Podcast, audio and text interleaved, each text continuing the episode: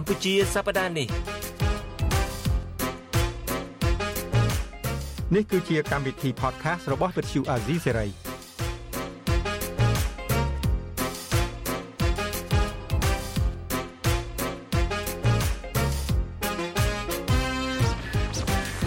ជំរាបសួរបងជុនច័ន្ទបុតហើយជំរាបសួរ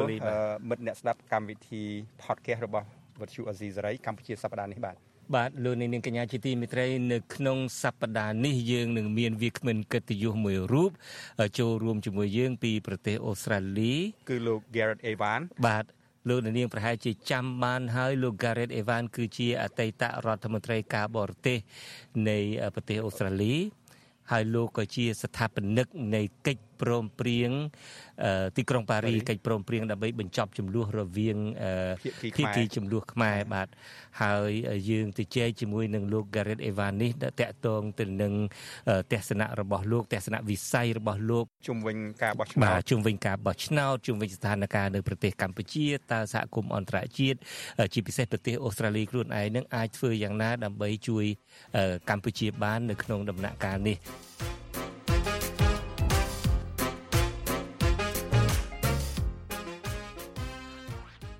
ហើយសំណួររបស់ខ្ញុំទី1ទៅកាន់លោក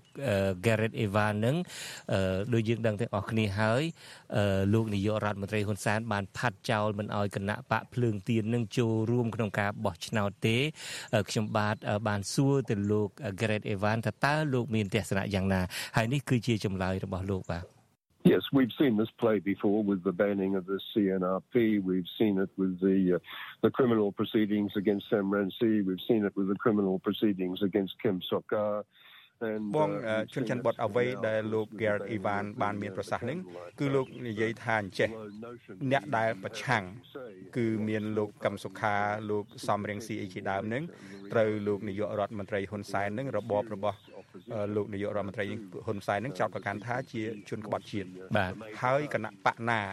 ដែលនៅឈរឈ្មោះបោះឆ្នោតនឹងគឺជាគណៈបកដែលមិនអាចមានមានកឡូមានកឡូមានមានកឡូស្មើហើយដែលអាចប្រកួតជាមួយគណៈបកប្រជាជនកម្ពុជាទេ ចំពោះគណៈបកដែលអាចមានកឡូប្រជួតប្រកួតជាមួយគណៈបកប្រជាជនកម្ពុជានឹងគឺគណៈបកភ្លើងទៀនក៏ត្រូវរបបក្រុងភ្នំពេញនឹងអឺ ហាមឬដាក់បំរាមឬមិនអោយចូលប្រកួត ក្នុងការប្រកួតក្នុងថ្ងៃទី23អឺខែកក្កដានឹងដែរ បាទឆ្លើយនឹងសំណួររបស់យើងនឹងគាត់ចាប់ផ្ដើមភ្លាមថាអ្វីដែលលោកនាយករដ្ឋមន្ត្រីហ៊ុនសែនធ្វើនេះគឺធ្លាប់ធ្វើតែអញ្ចឹងកាលពីបោះឆ្នោតអាណត្តិទី6 5ឆ្នាំមុននោះក៏ធ្វើអញ្ចឹងដែរគឺផាត់ចោលមិនអោយគណៈបកសង្គ្រោះជាតិចូលរួមក្នុងការបោះឆ្នោតហើយជាពិសេសធ្វើត្បិតតែលោកថាមានគណៈបក7ដណ្ដប់ទៀតចូលរួមជាមួយនឹងគណៈបកប្រជាជនកម្ពុជាក៏ដោយចុះគឺគណៈបកទាំងអស់នោះគ្មានកលយណាដើម្បីនឹងប្រកួតប្រជែងជាមួយនឹងលោកហ៊ុនសែនទេដូច្នេះលោកចាត់ទុកថាការបោះឆ្នោតនេះគឺជាការបោះឆ្នោតដើម្បីគ្រាន់តែប្រគ្រប់កិច្ចពីព្រោះជាការបោះឆ្នោតមួយដែលមិនមានគូប្រកួតដែលមានកលោស្មើគ្នាស្មើគ្នាដែរ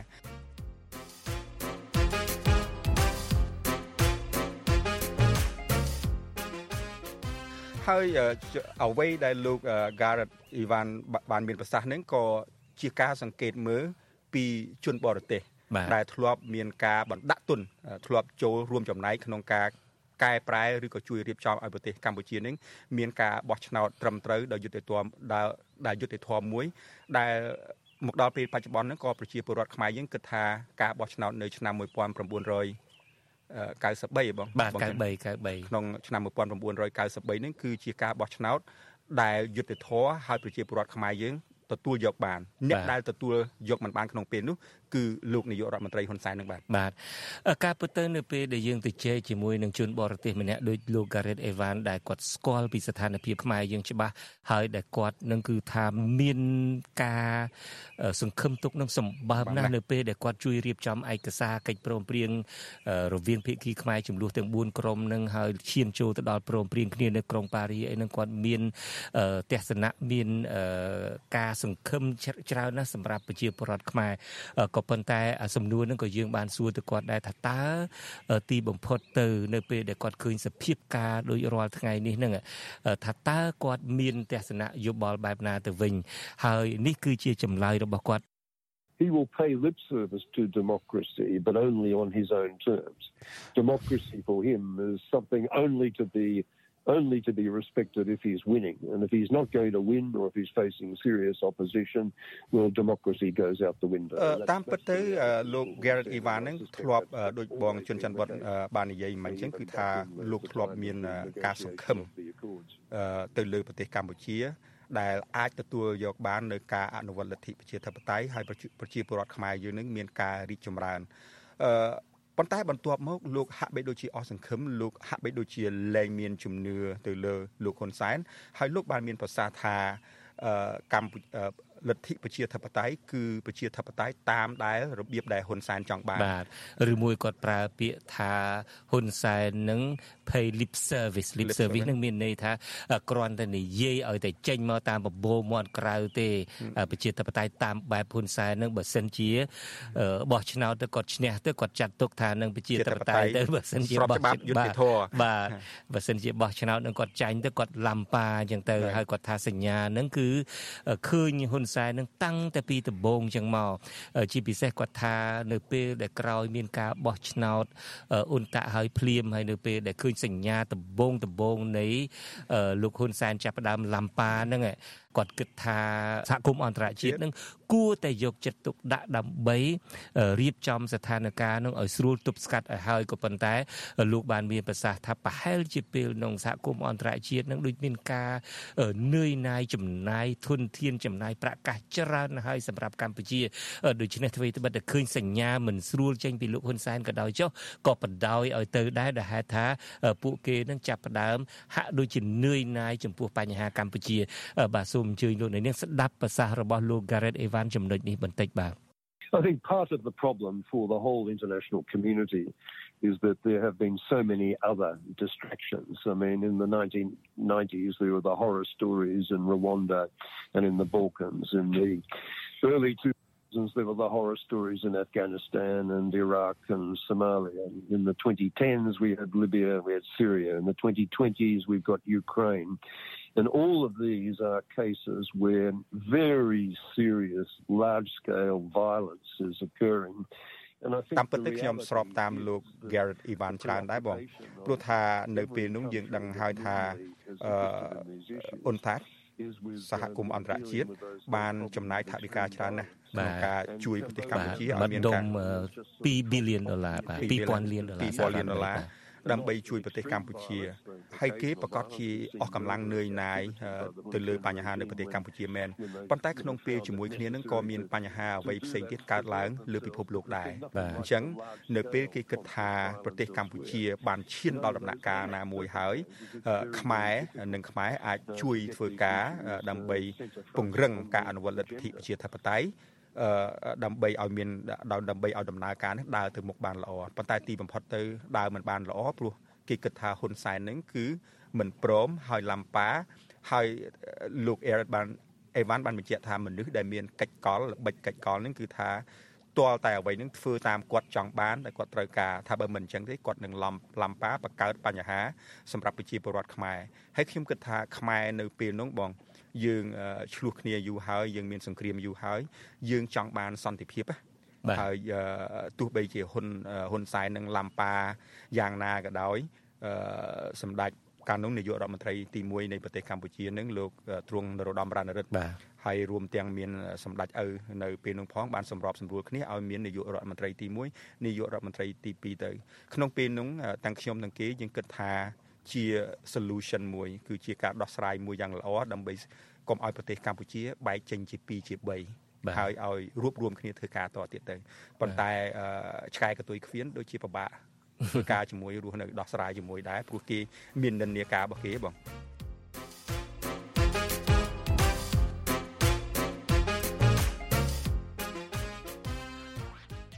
បើតាមស្ដាប់ប្រសាសន៍របស់លោក Gareth Evans ទៅនឹងគាត់ហាក់ដូចជាមានការស្ដាយក្រោយដែរបើប៉ូលីសចាប់អារម្មណ៍ភាសារបស់គាត់មួយម៉ាត់គាត់ថាតាមពិតនឹងយើងគួរតែមានសកម្មភាពមាន ប្រតិកម្មភ្លាមភ្លាមចំពោះសញ្ញាមិនស្រួលដែលបង្ហាញដោយលោកហ៊ុនសែននៅពេលដែលគាត់ចាញ់ឆ្នោតហើយលោកបាននិយាយថាឥឡូវនឹងលោកហ៊ុនសែននឹងហាក់ដូចជាលែងត្រូវការពិភពលោកទៀតហើយពីព្រោះលោក មានចិនជាបង្អែកក្នុងការផ្ដល់លុយផ្ដល់កាក់ឲ្យលោករួចទៅហើយអានេះជាបញ្ហាសំខាន់តកតងទៅដល់ដំណោះស្រាយទៅវិញប្រកាសណាស់យើងទៅជែកគ្នាជាមួយលោក Gareth Evan តកតងនឹងប្រវត្តិខ្លះហើយយើងក៏ទៅជែកថាតើដំណោះស្រាយបែបណាទៅវិញអ្វីដែលខ្ញុំចាប់អារម្មណ៍លោក Gareth Evan និយាយមិនដឹងថាពូលីចាប់អារម្មណ៍ដូចខ្ញុំដែរមិនដឹងទេអាចំណុចដែលគាត់និយាយថាប្រជាពលរដ្ឋខ្មែរនឹងមិនគួរទុកចិត្តតែទៅលើសហគមន៍អន្តរជាតិ ទាំងស្រុងនោះទេសហគមន៍អន្តរជាតិនឹងមានន័យថាអង្គការសហប្រជាជាតិអីជាដើមនិងអង្គការសហប្រជាជាតិទទួលបន្ទុកសិទ្ធិមនុស្សអីជាដើមនឹងមិនគួរគាត់មិនមែនថាមិនឲ្យពឹងផ្អែកទេណាឲ្យពឹងផ្អែកដែរក៏ប៉ុន្តែកុំឲ្យពឹងផ្អែកទាំងស្រុងពេកអ្វីដែលគាត់លើកឡើងមកមានពីរចំណុចទី1ខ្ញុំចាំប៉ូលីសសួរថាតើសហគមន៍អន្តរជាតិអាចជួយធ្វើអីបានណាគាត់ឆ្លើយឡើងថាកុំពឹងផ្អែកទៅលើសហគមន៍អន្តរជាតិតាមមួយផ្នែកពេកអីសំខាន់បំផុតគឺប្រ ទេសនីមួយនីមួយហ្នឹងប្រទេសនីមួយនីមួយខ្លួនឯងហ្នឹងមានអូស្ត្រាលីជាដើម មានសហរដ្ឋអាមេរិកឬមួយបារាំងអីជាដើមហ្នឹងគួរតែមានវិធានការដោយត្រង់តែម្ដងដោយគុំចូលរួមក្នុង សហគមន៍នឹងវាធំអីពេកគឺថាចាប់ផ្ដើមបង្កើតច្បាប់ដូចជា Magnitsky Act អីជាដើមនឹងដើម្បីដាក់ទណ្ឌកម្មចំមុខតែម្ដងចំពោះមន្ត្រីរដ្ឋាភិបាលឬមួយក៏ដាក់ទណ្ឌកម្មផ្នែកសេដ្ឋកិច្ចដូចជាសហភាពអឺរ៉ុបបានធ្វើទៅលើកម្ពុជាមានការផ្អាកប្រព័ន្ធអនុគ្រោះពន្ធ20%អីនឹងជាដើមនេះចំណុចទី1ដែលលោក Gareth Evan បានមានប្រសាសន៍ចំណុចហ្នឹងហើយក៏នៅមានចំណុចទី2ទៀតដែរក៏ប៉ុន្តែខ្ញុំចង់ចាក់សម្លេងរបស់លោក Gareth Evan ចំណុចត្រង់នឹងបន្តិចហើយបន្ទាប់មកទៀតចាំយងបញ្ជាក់ថាតើចំណុចទី2ទៀតហ្នឹងតើតើគាត់មានប្រសាសន៍តាក់ទងទៅលើអីបាទ Well, I think the solution lies essentially with individual countries, not so much the multilateral intergovernmental organizations, not the UN itself, not the Human Rights Council. I think it depends on individual countries applying quite serious sanctions. For example, Australia. Sanctions. What Australia can do? Yeah, Australia. And my, my, my own country can do more in this respect. Um, it's an, you know you can ban people from travelling here. You can ban them from sending their kids here. You can ban them from holding uh, property or visiting to បងចាន់បុតមុននឹងដល់ចំណុចទី2នេះក៏ខ្ញុំសូមបញ្ជាក់ចំណុចទី1មកបន្តិចសិនបងចំណុចទី1នេះគាត់បាននិយាយបន្ថែមថាអញ្ចេះដូចឧបមាថាប្រទេសអូស្ត្រាលីត្រូវការបង្កើតច្បាប់មួយដូចជា Magnitsky Act អញ្ចឹងហើយបន្ទាប់មកមានការហាមឃាត់ មិនឲ្យជនពីលដែលបានប្រព្រឹត្តអំពើពុករលួយឬក៏ប្រើអំពើខុសខើទៅលើប្រជាពលរដ្ឋនឹងទៅឲ្យចូលស្រុកគេហាមមិនឲ្យប្រពន្ធកូននឹងទៅរៀននៅស្រុកគេ ហាមមិនឲ្យទិញទឹកទិញដីនៅស្រុកគេដែរសូមមានន័យថាពួកនឹងអ្នកឯងអាចមានទ្រព្យសម្បត្តិអីមែនប៉ុន្តែมันអាចយកលុយយកកាក់នឹងទៅចាយនៅក្នុងប្រទេសដែលជាប្រទេសសេរីទេមិនចឹងហើយប្រទេសសេរីនឹងមានប្រទេសអូស្ត្រាលីប្រទេសបារាំងសហរដ្ឋអាមេរិកប្រទេសកាណាដាអីនឹងជាដើម បាទមកដល់ចំណុចទី2ដែលបងចង់និយាយនឹងគឺថាគាត់បានលើកទឹកចិត្តឲ្យប្រជាពលរដ្ឋខ្មែរយើងនឹងគឺថាត្រូវតែពឹងផ្អែកអឺសម្រាប់ចិត្តធ្វើអ្វីមួយសម្រាប់ចិត្តលើភ័ព្វវាសនារបស់ខ្លួនឯងមានន័យថាតើយើង គួរធ្វើអ្វីបានខ្លះដើម្បីទប់ស្កាត់ដើម្បីពង្រឹងការអនុវត្តលទ្ធិប្រជាធិបតេយ្យនៅក្នុងប្រទេសកម្ពុជាបាទនឹងចំណុចដែលគាត់និយាយនោះដោយពូលីបានលើកឡើងអញ្ចឹងគឺគាត់ងាកមកប្រជាពលរដ្ឋវិញថាត្រូវតែប្រជាពលរដ្ឋនឹងចាប់ផ្ដើមចូលរួមចាប់ផ្ដើមឲ្យคล้ายជាពលរដ្ឋសកម្មក្នុងការហ៊ានងើបឡើងអានឹងក៏ស្តៀងនឹងអ្វីដែលលោកបណ្ឌិតកែមលីធ្លាប់មានប្រសាសន៍ដែរគឺថាបើសិនជាគេធ្វើបាបបែបណាក៏ដោយគឺត្រូវតែបើស្រក់ទឹកភ្នែកយ៉ាងណាក៏ដោយចុះជូតទឹកភ្នែកហើយបន្តទៅមុខទៀត មួយទៀតដែលលោកបណ្ឌិតកែមលីលើកឡើងដែលស្តៀងនឹងអ្វីដែលលោក Gareth Evan លើកឡើងនេះគឺលោកបណ្ឌិតកែមលីបានលើកឡើងថាបើទុកតែអ្នកឯងមិនធ្វើអីសោះនឹងក៏គង់តែថ្ងៃណាមួយអ្នកឯងគង់នឹងរងគ្រោះដែរដូច្នេះបើគង់នឹងរងគ្រោះដដែលបើស្អីដដែលទេគឺថានាំគ្នាងើបទៅដើម្បីអនាគតប្រទេសជាតិអនាគតកូនចៅយើងអ្វីត្បិតតែលោកលើកមកបែបនេះលើកទឹកចិត្តបែបនេះក៏ដោយប៉ុន្តែបើយើងមើល ទឹកចិត្តរបស់ប្រជាពលរដ្ឋខ្មែរវិញជាពិសេសក្រោយការបោះឆ្នោតឆ្នាំ2013យើងឃើញអ្នកខ្លះលក់គោអ្នកខ្លះលក់ជ្រូកអ្នកខ្លះលក់ឆ្កែមកហើយយើងអ្នកកសែតយើងទៅសម្ភាសពួកគាត់អ្នកខ្លះចាស់ចាស់ហើយសួរថាធ្វើនឹងដើម្បីអីគាត់ថាមិនសំខាន់សម្រាប់គាត់ទេអ្វីដែលគាត់ធ្វើនេះគឺសម្រាប់កូនចៅសកលក្រោយដូច្នេះអាទឹកចិត្តរបស់ប្រជាពលរដ្ឋនឹងការពិតទាំងនៅដដែលអ្វីដែលលោកបណ្ឌិតលោក Garrett Evan លើកឡើងមកនេះវាត្រូវនឹងសភាពការផងហើយវាត្រូវនឹងប្រជាពលរដ្ឋខ្មែរផងដូចយើងធ្លាប់ទៅជែកគ្នាលើកមុនអញ្ចឹងនៅពេលដែលយើងសង្កេតមើលពួកគាត់មែនតើឃើញគាត់ខ្លាចខ្លាចអីអញ្ចឹងដែរទេណាដូចយើងប្រៀបធៀបលើកមុនអញ្ចឹងស្ថានភាពនៅប្រទេសខ្មែរពេលនេះប្រៀបដូចជារដូវប្រាំងដែលគ្មានទឹកដែលធ្វើឲ្យដើមនឹងសោះកក្រោះក៏ប៉ុន្តែគ្រាន់តែមានភ្លៀងមកមេមកពួកគាត់នឹងចាប់ផ្ដើមលូតឡើងវិញហើយករណីនេះដែលយើងហ៊ានថាបែបនេះគឺការបោះឆ្នោតឆ្នាំ2013នឹងមួយដែលធ្វើឲ្យយើងឃើញថាមនុស្សនឹងគពុះពោឡើងមករកយុទ្ធធរសិលឹកឆ្នោតការនាំគ្នាទៅដង្ហែបុណ្យសពលោកបណ្ឌិតកែវលីនេះក៏បញ្ជាក់ថាប្រជាពលរដ្ឋខ្មែរនឹងនៅមានទឹកចិត្តពុះពោធ្វើយ៉ាងណា គឺថាដើម្បីតតាំងនឹងអង្គើផ្ដាច់ការធ្វើយ៉ាងណា ដើម្បីយុទ្ធធរធ្វើយ៉ាងណាដើម្បីបញ្ចេញទឹកចិត្តរបស់ខ្លួនចំពោះអ្នកដែលគេស្រឡាញ់ដោយលោកបណ្ឌិតកែមលីជាដើម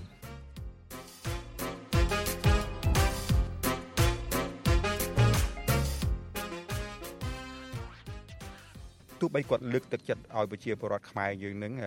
ធ្វើជាម្ចាស់ការដើម្បីសម្រេចអនាគតខ្លួនឯងនឹងលោកក៏បានសរសើរប្រជាពលរដ្ឋខ្មែរដែរជាពិសេសសង្គមស៊ីវិលនឹងគាត់ថាទោះបីគេគៀបសង្កត់យ៉ាងណាក៏ដោយក៏ប្រជាពលរដ្ឋខ្មែរយើងនៅតែតស៊ូពុះពៀរហូតដែរខ្មែរយើងអត់ដែល give up ទេអត់ដែលបោះបង់ចោលទេគាត់គ្រាន់តែថាវាមានកម្រិតដែលពួកគាត់អាចធ្វើទៅបានបាទ នឹងអ្វីដែលលោក Gareth Evan បានលើកឡើងនឹងដូចយើងនិយាយចឹងប្រជាពលរដ្ឋខ្មែរនឹងបានធ្វើរួចទៅហើយប៉ុន្តែក៏ជាការលើកទឹកចិត្តមួយដែរដែលយើងឮពីអ្នកជំនាញការម្នាក់ដែលស្គាល់ស្ថានភាពកម្ពុជាពិតប្រាកដអ្នកស្គាល់លោកហ៊ុនសែនពិតប្រាកដហើយអ្នកដែលខ្វល់ខ្វាយអំពីប្រទេសកម្ពុជាចំណុចមួយដែលខ្ញុំចាប់អារម្មណ៍ដែរហើយដែលប្រជាពលរដ្ឋខ្មែរយើងបានធ្វើរួចទៅហើយនឹងលោកបានលើកពីពាក្យថា Cambodian diaspora ខ្មែរដែលរស់នៅក្រៅប្រទេសលោកបានបានណែនាំលោកបានលើកទឹកចិត្តថា ខ្មែរដែលរស់នៅក្រៅប្រទេសនឹងគួរតែបញ្ចេញសម្លេងរបស់ខ្លួននឹងឲ្យបានច្រើន ទៅកាន់អ្នកនយោបាយនៃប្រទេសរៀងរៀងខ្លួនដែលខ្លួននៅនឹងដើម្បីឲ្យពួកគាត់បានយល់ពី ស្ថានភាពកម្ពុជាឲ្យពួកគាត់ធ្វើការគៀបសង្កត់បែបណាដើម្បី ឲ្យអ្នកកាន់អំណាចផ្ដាច់ការនៅប្រទេសកម្ពុជានឹងងាកមកលែងផ្ដាច់ការងាកមកគិតគូរពីប្រទេសជាតិវិញហើយតាមពិតទៅខ្មែរយើងនៅបរទេសនឹងមិនបង្ងើយកន្តើយទេបងបើតាមយើងមើលទៅឥឡូវថ្មីថ្មីហ្នឹងយើងឃើញមានខ្មែរនៅសហរដ្ឋអាមេរិកខ្មែរនៅជប៉ុនខ្មែរនៅអូស្ត្រាលីខ្មែរនៅនូហ្សេឡង់ខ្មែរនៅបារាំងអានឹងគាត់ជាខ្មែរដែលយើងដឹងហើយគេមានសមាគមធំហើយគេរៀបចំធ្វើរាល់ថ្ងៃហ្នឹងគេមានការធ្វើបតិចផ្ដាសា លោកនាយករដ្ឋមន្ត្រីហ៊ុនសែននឹងដែលមិនធ្វើមិនធ្វើបន្តិចផ្ដាច់ផ្ដាសាធម្មតាទេបើខ្ញុំទៅពីអ្នកលោកវណ្ណរិនប្រហែលថ្ងៃមុនទៅទីក្រុង Lowell នឹងគឺថាបន្តិចផ្ដាសាផង មានចងអីណាពាត់ស៊ីម៉ាពាត់អីនឹងហើយចាប់ឬទៅដាក់ក្នុងមឈូសទៅហើយបាច់អង្គបជេទៀតផងនោះបើតាមតែកម្លាំងហ្នឹង so ខ្មែរយើងនៅនៅបរទេសហ្នឹងមិនមិនបំភ្លេចមិនភ្លេចទេប្រទេសកម្ពុជានឹងពួកគាត់ខំធ្វើដែរប៉ុន្តែអ្វីដែលលោក Garrett Ivan បានលើកទឹកចិត្តនឹងតាមខ្ញុំយល់គឺថាគួរឲ្យមានសកម្មភាពអឺជាផ្លូវការឲ្យច្រើនជាងនឹងបន្តិចដើម្បីឲ្យអ្នកតំណាងរបស់គាត់អាចលើករឿងនឹងយកមកនិយាយអឺហើយដើម្បីឲ្យគេរុញឲ្យមានច្បាប់ដើម្បីជួយដោះស្រាយបញ្ហាអស់ទាំងនឹងហើយខ្ញុំចំពោះខ្ញុំផ្ទាល់នៅពេលដែលខ្ញុំឃើញថាខ្មែរនៅបរទេសពួកយើងនៅបរទេសដែរនឹង ដែលយកចិត្តទុកដាក់ភ័យព្រួយពីអនាគតរបស់ប្រទេសកម្ពុជានឹងយើងក៏មានមោទនភាពដែរបង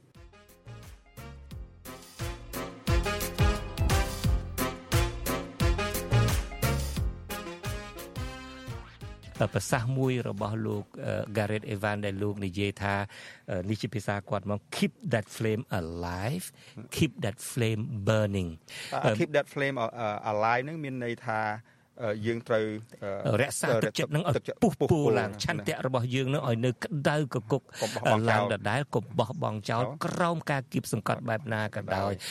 យើងកុំអាលបោះបង់ចោលហើយអានឹងស្តៀងនឹងលោកបណ្ឌិតកែមលីដូចយើងនិយាយមិញគេធ្វើបែបណាក៏ដោយគេធ្វើបាបបែបណាក៏ដោយជូតទឹកភ្នែកទៅហើយបន្តដំណើរទៅទៀតទៅគឺមានន័យថាធ្វើឲ្យអាទឹកចិត្តពុះពោនឹងឲ្យនៅតែក្តៅងុំដដែលឈានទៅមុខដដែលហើយលោកទ្រាំមានប្រសាសន៍ទៀតថា ថ្ងៃណាមួយគង់តែនឹងឈ្នះទេបើយើងដើរអត់ជប់ថ្ងៃណាមួយគង់នឹងឈ្នះទេគាត់បានប្រើពាក្យមួយថាលោកហ៊ុនសែននឹងចង់ឬមិនចង់ថ្ងៃណាមួយក៏នឹងអស់ជីវិតដែរ you just have to keep that flame alive you have to keep that flame burning and and wait for the times and circumstances to change i i don't believe there is anything in the cambodian water that is that is hostile to democracy, that's in favor of authoritarianism, that's in favor of paternalism. I saw for myself in 1993 how badly បងច័ន្ទបុតក្នុងការទៅជែកគ្នាជាមួយលោក Garrett Evan ហ្នឹងខ្ញុំគិតថាលោកបានភាសាដែលលោកនិយាយនេះគឺថាត្រឹមត្រូវសមរម្យប៉ុន្តែក៏វាអត់មានអ្វីលើសពីការយល់ដឹងរបស់ប្រជាពលរដ្ឋខ្មែរដែរក៏ប៉ុន្តែក៏វាជួយលើកទឹកចិត្តយើងបន្ថែមនៅពេលដែលគាត់យើងធ្វើបែបហ្នឹងហើយក៏ប៉ុន្តែនៅពេលដែលមានពីក្រៅមកនោះគេនិយាយបែបហ្នឹងដែរវាជាការបង្ហាញថាអ្វីដែលប្រជាពលរដ្ឋខ្មែរកំពុងធ្វើហ្នឹងគឺជាអំពើត្រឹមត្រូវត្រឹមត្រូវគួរបន្តទៅទៀត គួរបន្តទៅទៀតហើយក្នុងពេលជាមួយគ្នានឹងលោកទោះបីលោកនិយាយហាក់បីដូចជាមានការណែនាំយើងអីក៏ដោយប៉ុន្តែលោកមានការគោរពចំពោះប្រជាពលរដ្ឋខ្មែរណាបងលោកមានការគោរពឆន្ទៈរបស់ប្រជាពលរដ្ឋខ្មែរលោកមានការគោរពចំពោះអ្វីដែលប្រជាពលរដ្ឋខ្មែរកំពុងធ្វើទោះបីជាប្រជាពលរដ្ឋខ្មែរនឹងជួបឧបសគ្គបែបណាក៏ដោយហើយលោកក៏បាននិយាយថាជួនកាលហ្នឹងមិនមែនគ្រាន់តែការគម្រាមកំហែងនោះទេ មានការសម្លាប់ ការចាប់ចងការដាក់គុកនឹងតទៅទៀតផងក៏ប្រជាពលរដ្ឋខ្មែរយើងនៅតែបន្តធ្វើតទៅទៀតគាត់ប្រើពាក្យនេះមួយទៀតថាបើសិនជាមានការផ្ទេរអំណាចពីលោកហ៊ុនសែនទៅលោកហ៊ុនម៉ាណែតក៏ដោយភាសារបស់លោកថាយើងយកអានឹងជាឱកាសហ្នឹងយើងយកអានឹងជាឱកាសវិញដូច្នេះសាកស្ដាប់ប្រសាសន៍របស់លោកត្រង់ចំណុចនេះបន្តិច if the transition does eventually occur to uh, to Hun Manet, the uh, the son of Hun Sen, um, there will be an opportunity for some sort of recalibration of the situation. but um it's very difficult អ្វីមួយទៀតដែលខ្ញុំចាប់អារម្មណ៍តាមពិតគាត់ឆ្លើយនឹងសំណួរពូលីទេសួរតាក់ទងនឹងរឿងថាតើសហគមន៍អន្តរជាតិនឹងហាក់ដូចជាដឹងថាលោកហ៊ុនសែននឹងខូចហើយ ហ៊ុនសែននឹងជន់ពៀលហើយក៏ប៉ុន្តែទីបំផុតនឹងនៅតែធ្វើការជាមួយនឹងលោកហ៊ុនសែននេះហើយចម្លើយរបស់គាត់មកបើពូលីនៅចាំគាត់ថាហ៊ុនសែននឹងហាក់ដូចជាមានសំណាងត្រង់ថានៅក្នុងពិភពលោកនឹងវាមានរឿងធំធំវាមានវិបត្តិនឹងវាច្រើនណាស់គាត់លើកឧទាហរណ៍នឹងកាលពីឆ្នាំអឺ ម្ដុំឆ្នាំ80នឹងគឺមានវិបត្តិនៅប្រទេសនេះអញ្ចឹងទៅនៅឆ្នាំទសវត្សរ៍ឆ្នាំ90នឹងមានវិបត្តិនៅប្រទេសនោះអញ្ចឹងទៅមកដល់បច្ចុប្បន្ននេះគឺមានវិបត្តិនៅប្រទេសអ៊ុយក្រែននិងរុស្ស៊ីនឹងទៅដែលធ្វើឲ្យសហគមន៍អន្តរជាតិបែរទៅយកចិត្តទុកដាក់សំខាន់ទៅរឿងនោះទៅលោកហ៊ុនសែននឹងក៏បានដៃទៀតទៅបាទដូច្នេះនឹងអ្វីដែលប្រជាពលរដ្ឋខ្មែរដែលចេះតែគិតថាសហគមន៍អន្តរជាតិហេតុអីក៏បន្ទុយ ពង្រឿយកតើយនឹងស្ថានភាពកម្ពុជានឹងនេះគឺជាចំណុចមួយដែលអញ្ចឹងហើយដែលលោក Gareth Evan ថាកុំអោយសង្ឃឹមពេកទៅលើបរទេសណាពីព្រោះជួនកាលវាមានរឿងអីដទៃទៀតដែលគេត្រូវយកចិត្តទុកដាក់បាទពេលខ្លះនឹងគឺមានរឿងកូរ៉េខាងជើងទៅពេលខ្លះទៅគឺមានការកាប់សម្លាប់ទ្រង់ទ្រីធំនៅភូមាអញ្ចឹងទៅធ្វើឲ្យលោកហ៊ុនសែននឹងមើលទៅនឹងដូចយើងនិយាយអញ្ចឹងបើសិនជាមានទុកមួយវាមកចំនួនទុកមួយបាទមានការសម្លាប់រង្គាលនឹងវារាប់ពាន់អ្នកហើយអញ្ចឹងទៅលោកហ៊ុនសែនសម្រាប់100 200ទៅមើលទៅដូចដូចធម្មតាធម្មតាបាទមានការដែលមានការដែលចំនួនរវាងអ៊ុយក្រែនហើយនិងរុស្ស៊ីដែលធ្វើឲ្យប៉ះពាល់ដល់សេដ្ឋកិច្ចពិភពលោកប៉ះពាល់ដល់ការធ្វើដំណើរពេញពិភពលោកអីចឹងទៅការដែលក្រនហ៊ុនសែនដួចសន្លឹកឆ្នោតហ្នឹងដូចធម្មតាដូចជារឿងធម្មតាប៉ុន្តែកុំភ្លេចថា អ្វីដែលជនពីលបានប្រព្រឹត្តគឺថាគេដឹងទាំងអស់គេមិនមែនមិនដឹងទេ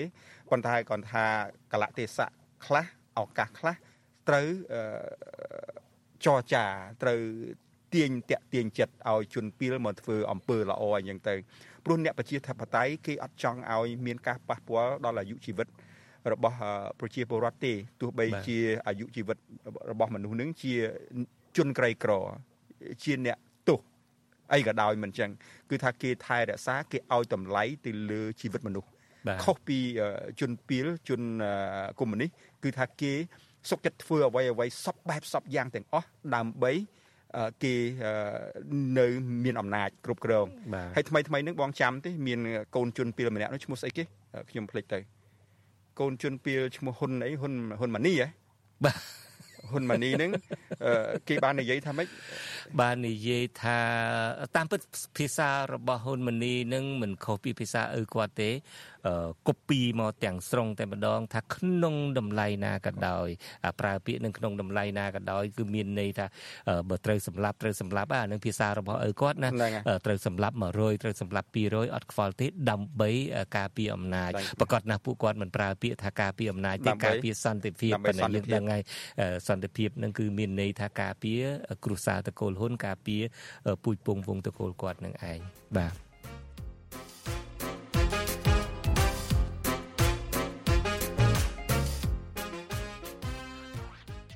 អឺការពិតបទសម្ភាសទាំងស្រុងនេះក៏យើងអឺ មានបង្ខំដែរហើយយើងនឹងបញ្ជូនឲ្យលោកអ្នកនាងបើអ្នកណាដែលចេះភាសាអង់គ្លេសយើងនឹងឮបទសម្ភាសនឹងទាំងស្រុងតែម្ដងអ្វីដែលខ្ញុំបាទហើយនឹងពូលីទៅជែកគ្នានេះយើងលើកតែខ្លឹមសារខ្លះខ្លះទេមកជម្រាបជូនអ្វីមួយដែលខ្ញុំចង់បញ្ចប់កិច្ចពិភាក្សារបស់យើងនេះហើយក៏ជាភាសារបស់លោក Gareth Evan ដែរដែលខ្ញុំចង់ឲ្យប្រជាពលរដ្ឋខ្មែរឮនឹងគឺគាត់បានប្រើភាសាបែបនេះគាត់បាននិយាយថាគាត់មិនជឿថា ប្រជាពលរដ្ឋខ្មែរនឹងមិនចង់ឲ្យមាន មិនចង់ឲ្យប្រទេសជាតិយើងនឹងឯងខ្លាយទៅជាប្រទេសខ្លាយជាប្រទេសប្រជាធិបតេយ្យលោកបានលើកឧទាហរណ៍ថាយើងឃើញការបោះឆ្នោតនៅឆ្នាំ1993ក្រោមការគ្រប់គ្រងរបស់អ៊ុនតាក់ស្រាប់ពេលនឹងប្រជាពលរដ្ឋខ្មែរមិនបោះឆ្នោតឲ្យលោកហ៊ុនសែនទេយីគាត់ឃើញគាត់លើកឧទាហរណ៍ពីការបោះឆ្នោតនៅឆ្នាំ2013នៅពេលដែលប្រជាពលរដ្ឋនាំគ្នាបោះឆ្នោតភ្លុកទឹកភ្លុកដីទៅឲ្យគណៈបកប្រឆាំងនេះជាដើមដូច្នេះភាសារបស់លោកនឹងគឺគាត់ថា Cambodian are not in favor of the authoritarians ខ្មែរយើងស្រឡាញ់ប្រជាធិបតេយ្យមិនមែនស្រឡាញ់របបផ្ដាច់ការជំនឿនោះទេបាទមិនមែនជ្រើសរើសយករបបផ្ដាច់ការនោះទេនេះគឺជាប្រសាសន៍របស់គាត់ដែលគាត់សង្កេតមើលចុងក្រោយហើយជាបណ្ដាំរបស់គាត់នឹងគឺថាត្រូវតែរក្សាឆន្ទៈ ក្នុងការឲ្យមានការផ្លាស់ប្ដូរនៅស្រុកខ្មែរក្នុងការដែលយកឈ្នះលើរបបផ្ដាច់ការនឹងហើយរក្សាកម្ដៅនឹងឲ្យក្តៅជានិច្ចឲ្យពុះពោជានិច្ចថ្ងៃណាមួយអាចនឹងសម្រេចបានទិសដៅកុំបោះបង់ឆន្ទៈនេះឲ្យសោះ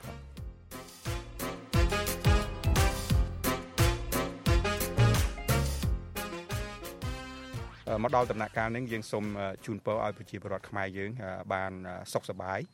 ជាពិសេស នៅពេលទៅបោះឆ្នោតនៅថ្ងៃទី23ហ្នឹងឲ្យលោកសម្រេចឲ្យបានសមស្របត្រឹមត្រូវតាមឆន្ទៈរបស់លោកដូច្នេះសូមអរគុណលោកនាងកញ្ញាដែលគ្រប់គ្រងការផ្សាយរបស់យើងនៅកម្មវិធី podcast នេះហើយគឺបាទនឹងលោកសំពូលីសូមជម្រាបលាទៅត្រឹមនេះ